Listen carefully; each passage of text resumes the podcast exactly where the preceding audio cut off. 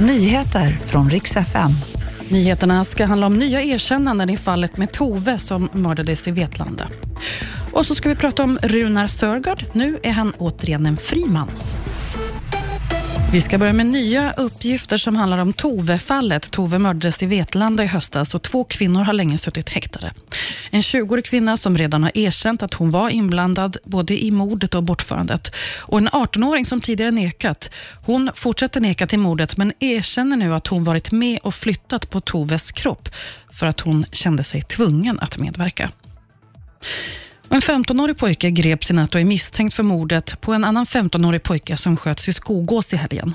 En 17-åring sitter också häktad misstänkt för medhjälp.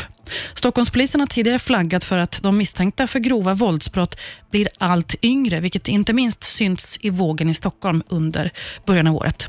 Bland de som gripits de senaste veckorna så är mer än hälften under 18 år.